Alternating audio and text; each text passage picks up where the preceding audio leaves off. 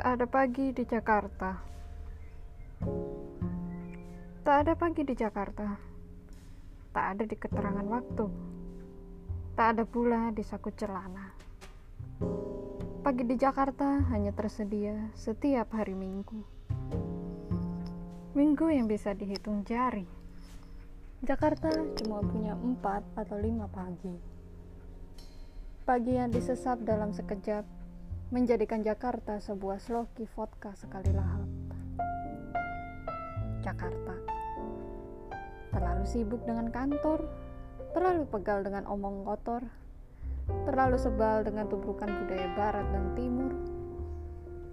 Dia tidak sempat menghitung penuh sukacita mentari terbit di timur.